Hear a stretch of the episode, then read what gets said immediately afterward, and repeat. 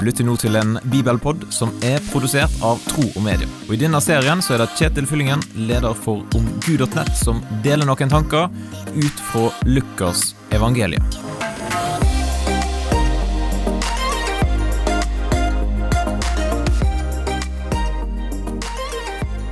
Det kan være tøft å skille seg ut og våge å reise seg og stå for noe.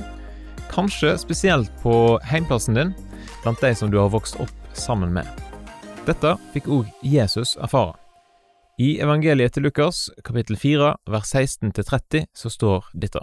Han kom også til Nasaret, hvor han var vokst opp, og på sabbaten gikk han inn i synagogen, slik han pleide. Da han reiste seg for å lese, rakte de ham profeten Jesajas bok. Han åpnet bokrullen og fant stedet der det står skrevet. Herrens ånd er over meg, for han har salvet meg til å forkynne et godt budskap for fattige. Han har sendt meg for å rope ut at fanger skal få frihet, og blinde få synet igjen, for å sette undertrykte fri, og rope ut et nådens år fra Herren. Så rullet han bokrullen sammen, rakte den til synagogetjeneren og satte seg. Alle i synagogen stirret spent på han. Han begynte da med å si, I dag er dette skriftordet blitt oppfylt mens dere hørte på.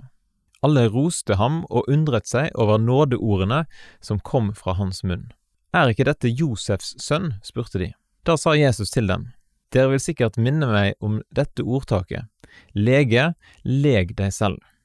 Dere vil si, Vi har hørt om alt som har skjedd i Kapernaum, gjør det samme her på ditt eget hjemsted.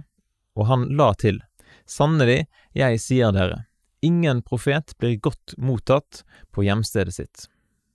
Jeg sier dere som sant er, det var mange enker i Israel den gangen Elia levde, da himmelen var lukket i tre år og seks måneder, og det ble en stor hungersnød i landet. Likevel ble ikke Elia sendt til noen av dem, bare til en enke i Serepta i Sidonlandet. Og det var mange med hudsykdom i Israel på profeten Elishas tid men ingen av dem ble renset, bare syreren Naaman. Alle i synagogen ble rasende da de hørte dette. De sprang opp og jaget ham ut av byen. De drev han mot en skrent i åssiden, der byen deres lå, og ville styrte ham utfor. Men han gikk midt gjennom flokken og dro bort. Hva i denne teksten biter du deg merke i? Det er jo et fantastisk budskap som Jesus leser til dem ifra Jesaja. Et godt budskap for fattige, for fanger, for blinde og undertrykte. Og det er kanskje litt merkelig, iallfall syns jeg da, at Jesus ikke stopper der, etter vers 20, der stemningen er god og folket roser han. Men av en eller annen grunn så fortsetter Jesus, og så provoserer han tilhørerne.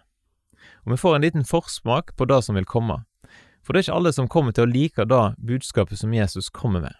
Og Jesus peker på at hans budskap ikke kommer til å bli mottatt sånn som det burde i hans eget folk. Og de ønsker der og da å skru av dette budskapet så snart som mulig, men av en eller annen grunn så klarer de ikke å sette planen ut i livet. Jesus, han tillot det ikke. Han gikk midt gjennom flokken og dro bort. Hans time var ennå ikke kommet. Jesus, han våga å skille seg ut, og han vågte å dele et budskap selv om det ikke var populært. Hvordan ser det ut for oss i dag? Ja, hva tenker du om disse ordene i Lukas kapittel fire? Du kan dele dine tanker med meg, send meg gjerne en e-post, kjetil etter troogmedia.no. Så hadde det vært flott om du delte Bibelpodden med noen som du kjenner, som du tror kan ha glede av den. Da ønsker jeg deg en fin dag, og så poddes vi plutselig igjen. Takk for at du lytter gjennom denne bibelpodden, og vil du gi en tilbakemelding på det som du hørte, eller vil du lære mer om kristen tro, da kan du gå til nettsida omgud.nett. Eller du kan sende en e-post til kjetil etter troogmedia.no.